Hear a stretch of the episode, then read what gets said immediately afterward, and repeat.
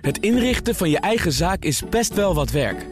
Daarom biedt IKEA voor Business Netwerk 50% korting op interieuradvies. Word gratis lid en laat je werkplek voor je werken. IKEA, een wereld aan ideeën. BNR Nieuwsradio. BNR Zaken doen. Thomas van Zeil. De megadeal van Takeaway en de opkomst van microbedrijven. En alles wat daartussen zit bespreken we met het ondernemerspanel in BNR Zaken doen. En daarvoor zijn hier Ronnie Overgoort, dagvoorzitter en oprichter-eigenaar van Seven Ditches TV. Erik Pekel van AHA. Bureau voor Live Communicatie. En mijn zakenpartner is vandaag Denise van Harras, oprichter van NL Zakenvrouwen, Smart Up Network en uh, communicatieadviseur. Eerst jullie eigen nieuws. Welkom, dat allereerst. Ja, dank je. Erik, waar wil jij mee beginnen?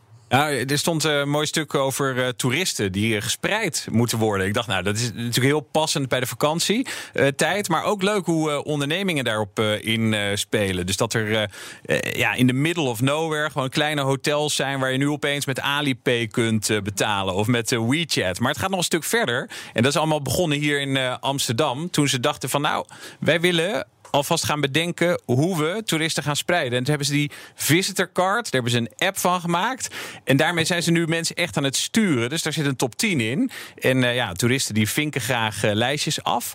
En als het dus heel druk is uh, voor het Anne Frankhuis of voor het Rijksmuseum, dan staat die wachttijd erbij. En dan zakken die attracties ook in dat lijstje. En dan komt bijvoorbeeld het Muiderslot, waar ja, 20 jaar geleden nog echt heel rustig was, komt dan redelijk bovenaan te staan als Amsterdam Castle. Of je wordt naar Zandvoort gestuurd. Sommige mensen worden er heel agressief van, want dat is helemaal geen Amsterdam. Je kunt alles wel Amsterdam noemen om het dan toch nog een beetje aantrekkelijk te maken voor ja. toeristen. Maar het houdt ergens op, toch? Maar het is razend slim. Want als je ziet wat er in Venetië aan de hand is... en dat is natuurlijk toch een koploper. Ik heb net een geweldig boek gelezen... Grand Hotel Europa van Ilja Leonard Pfeiffer. Echt een aanrader. Ik ook. De eerste 30 pagina's vond ik al een hele opgave. Ja, maar daarna begint het. Uh, okay, dus goed. geef oh, het nog een kans. Het is echt een fantastisch boek. En het laat gewoon zien... in, in Venetië woont gewoon bijna geen Venetiaan meer. Er zijn nog maar twee bloemenwinkels. Want toeristen die hebben nooit bloemen nodig. Het is gewoon onleefbaar geworden. Ja. En steeds luider klinkt de roep in uh, Amsterdam... dat het die kant op zou kunnen gaan. Er bijna geen Amsterdammers meer zijn. Nee. Echte Amsterdammers in Amsterdam. Ja, en er wordt nu dus op voorgesorteerd door dit soort slimme technologie en door ondernemers die erop inspelen. En uh, ja, de kanttekening is natuurlijk dat toeristen geen strooifolders zijn. Die laten zich niet zomaar spreiden. Maar. Uh, die laten ja. zich ook steeds minder in groepen de grens oversturen. Dus het zijn wel vaak uh, individuele reizigers... die misschien toch ook weer een individuelere blik hebben. Dus die wel zin hebben om het kasteel in Koevoorde te bezoeken. Ja, echt top. Goede ontwikkeling denk ik om Amsterdam uh, te, zeg maar, te vergroten. En of een Amsterdam heet of Pietje Puk. Maar ik denk dat het heel goed is om Nederland als toeristische trekpleister te zien... in plaats van alleen maar Amsterdam haalt de druk een beetje van de ketel. Ja, en naast fintech en medtech krijg je nu uh, tourism tech eigenlijk... met nou, dit soort nog slimme veel van horen. Ja, Denise, wat is jouw nieuws? Nou, om dan even in de tech te blijven. Codam, dat is een, een niet geaccrediteerde opleiding voor uh, ICT'ers. Die is opgericht door uh, Corinne Vigreux. van, ja, van, van TomTom, wel bekend van TomTom. Um, die heeft een. wij zitten natuurlijk met een, een enorm gapend gat wat betreft mensen die daarin zouden moeten werken, ICT. ruim 92.000 arbeidsplaatsen. die moeten, moeten worden opgevuld. Nou, hoe gaan we dat doen? Wat is haar strategie? Dat is deze opleiding waarbij het gaat om met name de inzet, de motivatie en, en, en, en het zelfinitiatief uh, om daaraan mee te doen en om dat te volgen. Succesvol. 30% daarvan is op dit moment van aanmeldingen is vrouw. Daar wil ze, dat wil ze tot helft uh, minimaal brengen. Zonder diploma, hè? Want Zonder is niet geaccrediteerd. Nee, dus je zou kunnen zeggen, een iedereen mag daar wil ik dan op zijn minst ja, een diploma voor. Toegankelijk voor iedereen. Nee, maar... als je kan coderen, dan uh, heb je geen diploma nodig. Want dan, tenminste, als je, heb je aan, waanzinnig talent wil, natuurlijk. Aan de bak, ja. ja, dus uh, inderdaad, je moet in de, het wil niet zeggen dat je dan mag meedoen, maar je, je komt nog, natuurlijk nog wel voor een boord. je moet toegelaten worden, maar als je er eenmaal in zit, ja goed, dan krijg je natuurlijk de beste opleiding die er die er is. En daarmee wordt klaargestoomd echt voor het bedrijfsleven. Dus uh, ik, uh, ik vind het een, een, heel goed initiatief. En uh, zeker op een, op een plek in een gebied, zeg maar, ICT, waar het enorm hard nodig is. Dus laten we dit zeker gaan volgen, Kodam. Mooi. Ook mooi. Jouw nieuws, Ja, ja, echt een ondernemersverhaal waar ik heel enthousiast van word. Daar word ik natuurlijk altijd enthousiast van. En ik mag heel veel ondernemers interviewen. En eentje was René van Geer, een oude ontwerper die bijna failliet ging met zijn vrouw en zakenpartner. Eh, en toen besloot om eh, een, eh, een portemonneetje te ontwikkelen. En dat werd The Secret. Voor, voor heel veel mensen denk ik wel bekend, hè, waar je je pasjes in kan klikken. En inmiddels verkoopt hij er miljoenen van. En, en daar zitten een, heel, een aantal hele leuke dingen aan zijn verhaal. Eén, het is gewoon echt een ras ondernemersverhaal. Goed voor jonge ondernemers ook om eens te horen dat je zonder geld. Eh, dat, dat, hij zegt sterk nog, een crisis is een perfect moment om met een bedrijf te starten. Want hij had gewoon geen geld. Sterker nog, hij frat van de voedselbank. En, eh, en hij stond zo'n beetje onder curatelen. Dus eh, how low can you go, zeg maar. Hij is niet gepamperd door investeerders die nee, toch. En hij had geen half miljoen of miljoen op de bankrekening, geen investeerders. Alles van de bekende Friends, Family en Fools die hem wat geld leenden om maar te starten. En wat wel heel mooi is, is dat hij nog twee elementen eruit. Eén, hij verkoopt als een jekko in China. Toen dacht ik, huh? ik dacht dat Chinezen het namaakten en dan heel goedkoop in Nederland verkochten. Maar het blijkt dat Chinezen enorm veel houden van kwaliteit uit Europa. Dus dat vond ik wel een mooie eh, vanuit ondernemersperspectief. Eh, en, eh, en de laatste is dat hij met een winkel gaat beginnen. In Rotterdam de eerste en ongeveer tegelijkertijd ook in Hongkong. En hij zegt, ik hou enorm van stenen winkels. Hij doet niets aan online, verkoopt niet via Bol, Amazon en de grote platformen. Hij houdt enorm van de kleine winkelier en dat zijn zijn sales agents. Dus in alle opzichten, en ik mag misschien een klein beetje reclame maken, in dit geval 7dtv.nl, daar staat het hele interview met René van Geer. Echt een top, top, top En, en daar ben je aan verbonden, toch? Daar ben ik aan verbonden, daar ben ik de oprichter-eigenaar van. Oprichter-eigenaar. Ja, maar dit is echt een super mooi ondernemersverhaal. Ja, ik, eh, ik, ik ken het product inderdaad. Nou vraag ik me af, hè. jij hebt hem gesproken. Ehm, eh, ik heb hier een telefoonhoesje met, eh, met een aantal vakjes met, Ja. eh, met bar, waar je pasjes in kunt, Ja. eh, kunt doen. Nou, Ik zie heel veel mensen hiermee lopen. Eh, is dat ook bijvoorbeeld een, eh, een ontwikkeling die hij gaat doorvoeren? Want Nee, dit is wat hij je heeft wil. daar wel Je- over nagedacht. En eh, ze hebben daar heel, ze zitten heel veel na te denken over productextensie. Hè. Moeten we andere producten doen? Maar nou, hij heeft, hij heeft- dus een concrete vraag die ik hem ook stelde. Dus ik wil geen cliffhangertje doen. Maar daar, komt hij uit. Maar het antwoord is nee. Gaat hij Nou, niet, gaat we hij niet, anders eens gaan gaat hij kijken niet- in- Focus Ja. is super belangrijk, zegt hij. En eh, hij heeft nog veel te veel te doen met, eh, met de portemonnees zoals zij ze maken. Ja, het is echt een goed eh, product. Ik heb hem altijd op zak. Hij zit Ja. nu in de tas. Nou, als je Maar toch reclame maakt, is ook nog een goed product. Iedereen heeft het toch? Ja, Ja, veel, ja. Ja, Ja, echt secret. hartstikke goed. Maar zij onderscheiden zich vooral op... eh, dat, je, je kan het niet draadloos, contactloos uitlezen dan. Hè? Dus je pasjes zijn veilig in dat, eh, in dat ding. En dat Ja. is een van ja, hun... en ik zei eh, nog van, gaan de pasjes niet weg? Want iedereen gaat mobiel betalen. Ja. Ze zeiden, ja, maar je ziet ook in landen als China... dat mensen nog steeds heel veel pasjes hebben. Of nou loyalty pasjes, membership pasjes. En dus de, de pasjes, die blijven wel bestaan. Dus eh, Ik denk super, dat super. eh, geen enkel eh, traditionele manier, eh, al- of het nou gaat om, om pasjes hebben of op, eh, om cash betalen, weet je, dat Nou, verdwijnt de nooit helemaal. contant geld, daar zou je toch wel zorgen over Ja, moeten dat maken. gaat nu wel rap tempo verdwijnen. Ja, daar, maar daar heb je ook geen ruimte voor een secret. Hè? Nee. dat- Tenminste, nee, nee, nee. eigenlijk niet. Maar voor bepaalde mensen die minder toegang hebben tot eh, andere soorten geld, is dat misschien wel een zorgwekkende ontwikkeling. Ik heb begrepen dat de Nederlandse bank zich daar wel zorgen over maakt. ja, ja. Ehm, over goede ondernemersverhalen gesproken. Ik weet niet of we het nog zo kunnen noemen, maar misschien toch ook wel. Takeaway.com van Jitse Groen neemt Just Eat over. Het Britse Just Eat. Overname, ja, dat is nog maar de vraag hoe je er naar kijkt. Hè? Want het eh, grootste deel van de aandelen blijft dan weer in handen van Just Eat. Ehm, maar toch, is dit weer een mega grote stap voor Jitse Groen? Of is het meer van hetzelfde, Ronnie? Beide. Het is, eh, hij is inmiddels gewend om, eh, om kralen te rijgen, zeg maar. Maar dit is, eh, dit is een ondernemer in de strategie. eh, eh, ja, go big, go niche or go home, zeg ik altijd. En dit is er eentje in de categorie go big. Eh, dus de winner takes it all. Dus ja, dan moet je dit soort stappen doen. En als je eenmaal het trucje snapt en het lukt een paar keer... ja, dan wordt het op een gegeven moment steeds makkelijker, denk ik. Wat mij opviel, en ik vraag me af, is dat nou iets wat je zegt omdat je ontzettend succesvol bent? Maar een interview in het FD, waarin Jitse Groen zelf zegt: Ik ben geen ondernemer. Dat is iemand die overal kansen ziet om geld te verdienen. Ik heb één idee: restaurants en klanten via een bestelsite met elkaar verbinden. Ja, zo, Geen ondernemer dus. Oh, nou, Denise, ik merk dat je het niet meer kunt eh, Nee, volhouden. ik kan het niet meer volhouden. Kijk, eh, op het moment dat je zo succesvol bent, dat, eh, dat hoor je wel meerdere, meerdere ondernemers ook zeggen, dan gaan ze het in één keer op een bepaalde manier verkleinen. Dit is een voorbeeld. je- ze zijn inspirerend. Dan mag je best wel. En ik denk, misschien is dat wel echt ook een beetje een Nederlandse houding van, nou ja, goed, hè, ik ben niet, ik ben niet de topondernemer en ik doe alleen maar dit. Nee, laat zien wat je kan en wat je hebt gedaan. En, en ja, ik vind dat niet eh, vervelend om daar, eh, zeg maar, de juiste lading aan, misschien eh, bedoelt- aan te misschien meent hij het wel. Maar wat is hij dan? Ja. Ik bedoel, Ah, ik, zou, ik zou het- zelfs zeggen, sterker nog, hij is het ja, zeg maar de grootste eh, categorie van ondernemers. Hè? vind- Megalomaan, ambitieus. Ja. Eh, gewoon eh, continu de vlucht naar voren. Hè? En hier, hier dringt zich de grap natuurlijk op van eten of gegeten worden. Dat is natuurlijk de paniek om, om helemaal internationaal om je heen te slaan. Maar ja, waarom zou je niet gewoon Nederland heel goed doen, bijvoorbeeld? Hè?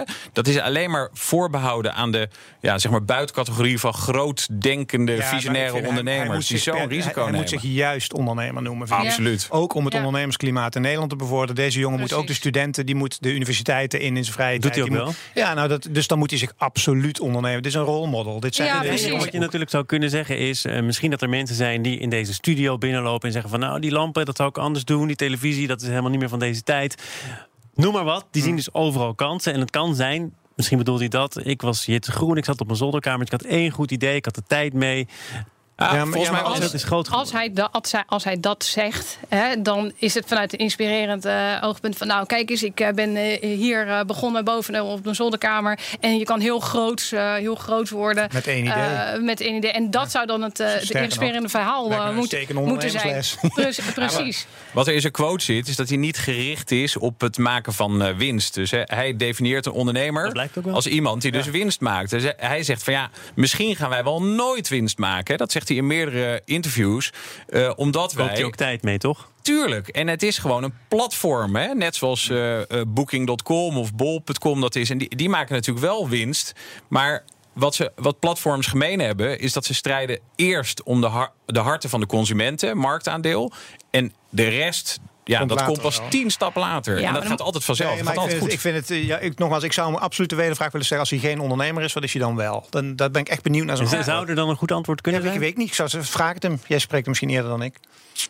Hij wilde nu niet Ja. komen. Nou ja, goed. Weet je, als dan iemand wegkomt met ik eh, heb enorm veel passie, ja, dat hebben ondernemers juist ook. Eh, ik hoop dat hij met, inderdaad met een heel sterk antwoord komt. Want Ja. voor mij is gewoon een topondernemer. Absoluut. En hij moet zich absoluut beseffen dat hij een groot rolmodel eh, kan zijn. En dat het ook eh, inspirerend is voor andere mensen. Zijn er, zijn er niet veel van dit kaliber. Precies. Ja. Hier staan ook drie ondernemers. Heeft wat jullie doen nog iets te maken met aan het hoofd staan van een bedrijf dat zometeen 10 miljard waard is? Nee, maar wel van de term go big or go niche. Ik adviseer ondernemers altijd, ik hou enorm van de niche. En, eh, en ik ben een ondernemer die altijd klein zal blijven. Ik kan niet managen. Ik, eh, het idee van een bedrijf met personeel, word ik al eng van, heb ik gehad overigens.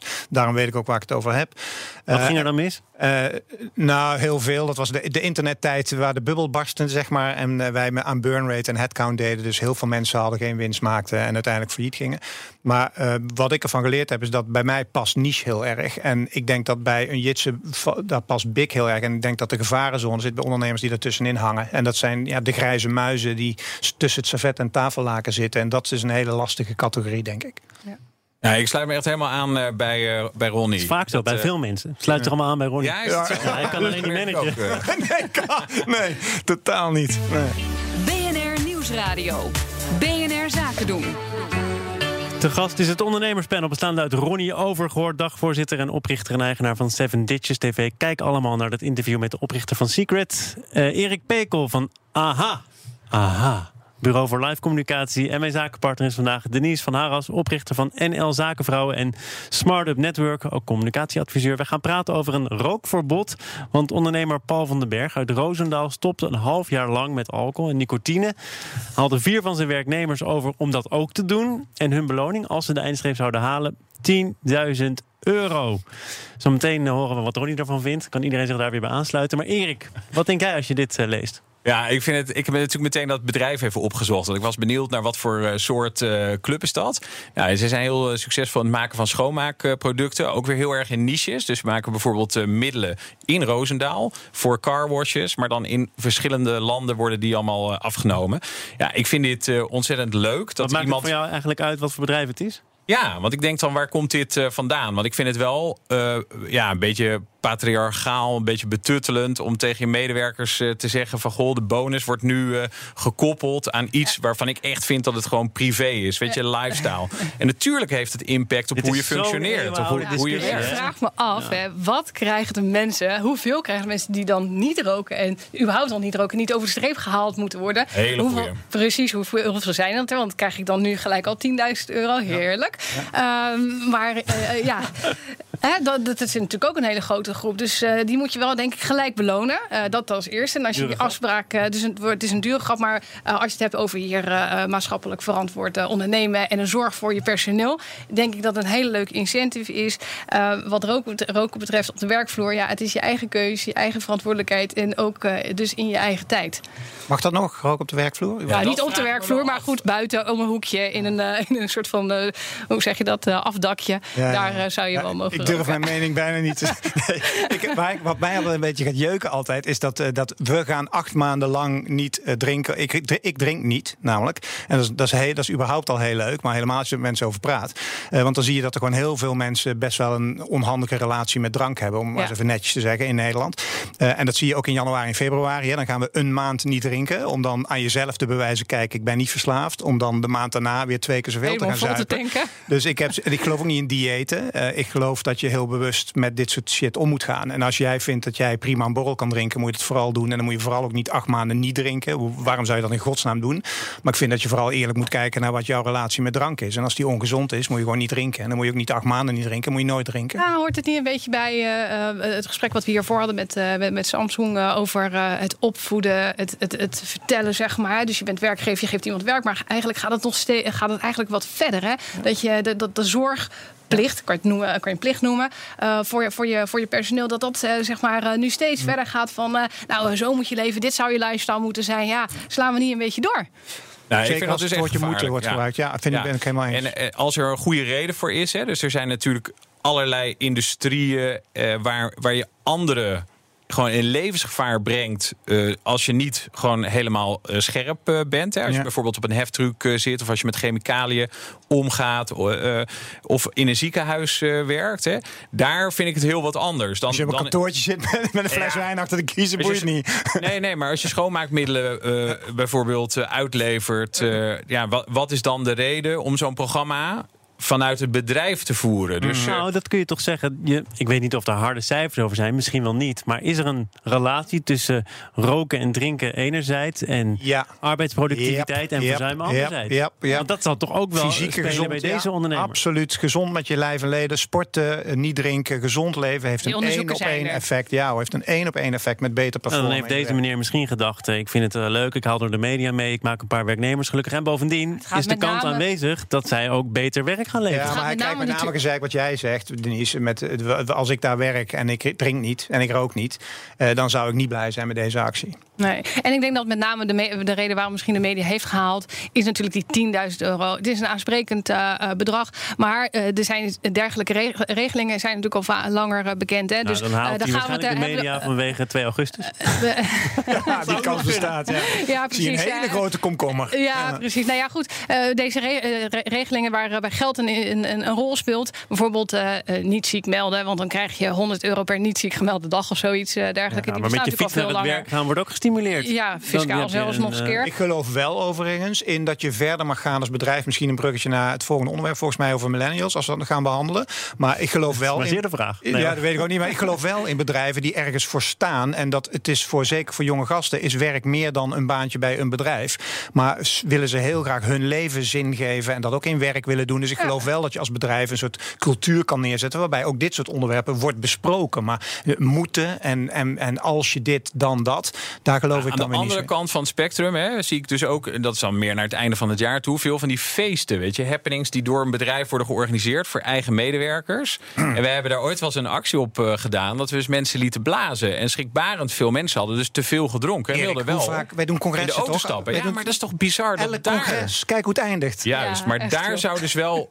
als dat helemaal is voor je eigen organisatie, zou eigenlijk een bedrijf daar wel meer verantwoordelijkheid voor kunnen nemen en moeten nemen. Nou, als we het hebben inderdaad over werkgeverschap, uh, goed werkgeverschap en werkgeverschap en veiligheid. Ik uh, werk bij SC ICT-diensten. Die je zelf hoe moeilijk het is om dat goed uit te spreken? Daar ga ik een nieuwe naam voor bedenken. want dat, uh, dat, nou goed. In ieder geval, dat valt uh, onder TBI Holdings. Dat is een bouwgroep. En als we het dan hebben over, uh, over veiligheid... ja, daar staat het echt op, op, op, nummer één. En dan zie je dus ook dat daar allerlei beleidsregels op, op zijn verzonnen... om dat inderdaad niet te mogen. Dus inderdaad, de vrijdagmiddagborrel wordt inderdaad op bepaalde manieren ingeperkt. Ja. Ga Ronnie een plezier doen en ook nog het andere onderwerp met jullie aansnijden. Allereerst nog even dit verhaal afmaken. Want na zes maanden maanden worden er van die werknemers die hier aan meedoen eh, vijf haartjes opgestuurd naar een Duits laboratorium om te kijken of ze het ook echt hebben volgehouden. En niet alleen maar zeggen dat ze het hebben volgehouden. Afspraak is afspraak.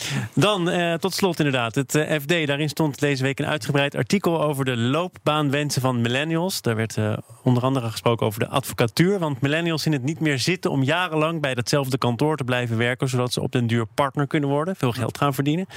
Liever switchen ze om de paar jaar en dat partnerschap, ja. Dat is niet meer per se de ultieme beloning. Er werd gesproken met eh, jonge advocaten, allemaal onder een andere naam. Ja. Die wilden liever niet onder een eigen naam eh, in de krant komen. Dat snap jij niet? Nee, snap ik voor geen meter. Ja, ik snap dat wel. Ik heb eh, een paar jaar geleden een jonge Bali-congres eh, geleid. En toen ging het toevallig Veel dus gedronken over... ja, zeker. Daar werd heel veel gedronken na afloop. Maar daar, daar ging het over eh, burn-out en burn-out preventie. Ronnie is er ook geweest, merk ik. Hij drinkt alleen niet, maar, eh, de rest... Snuivel in jekko, ja. Maar het was echt heel treurig. Er waren dus allemaal jonge advocaten... die allemaal bij van die grote kantoren werken. En toen ging het dus over burn-out preventie. En dan Ja. gaat het dus over werkstress en over werkdruk. Ja. En al heel snel was het grote woord eh, eruit. Want er was heel veel interactie in de zaal.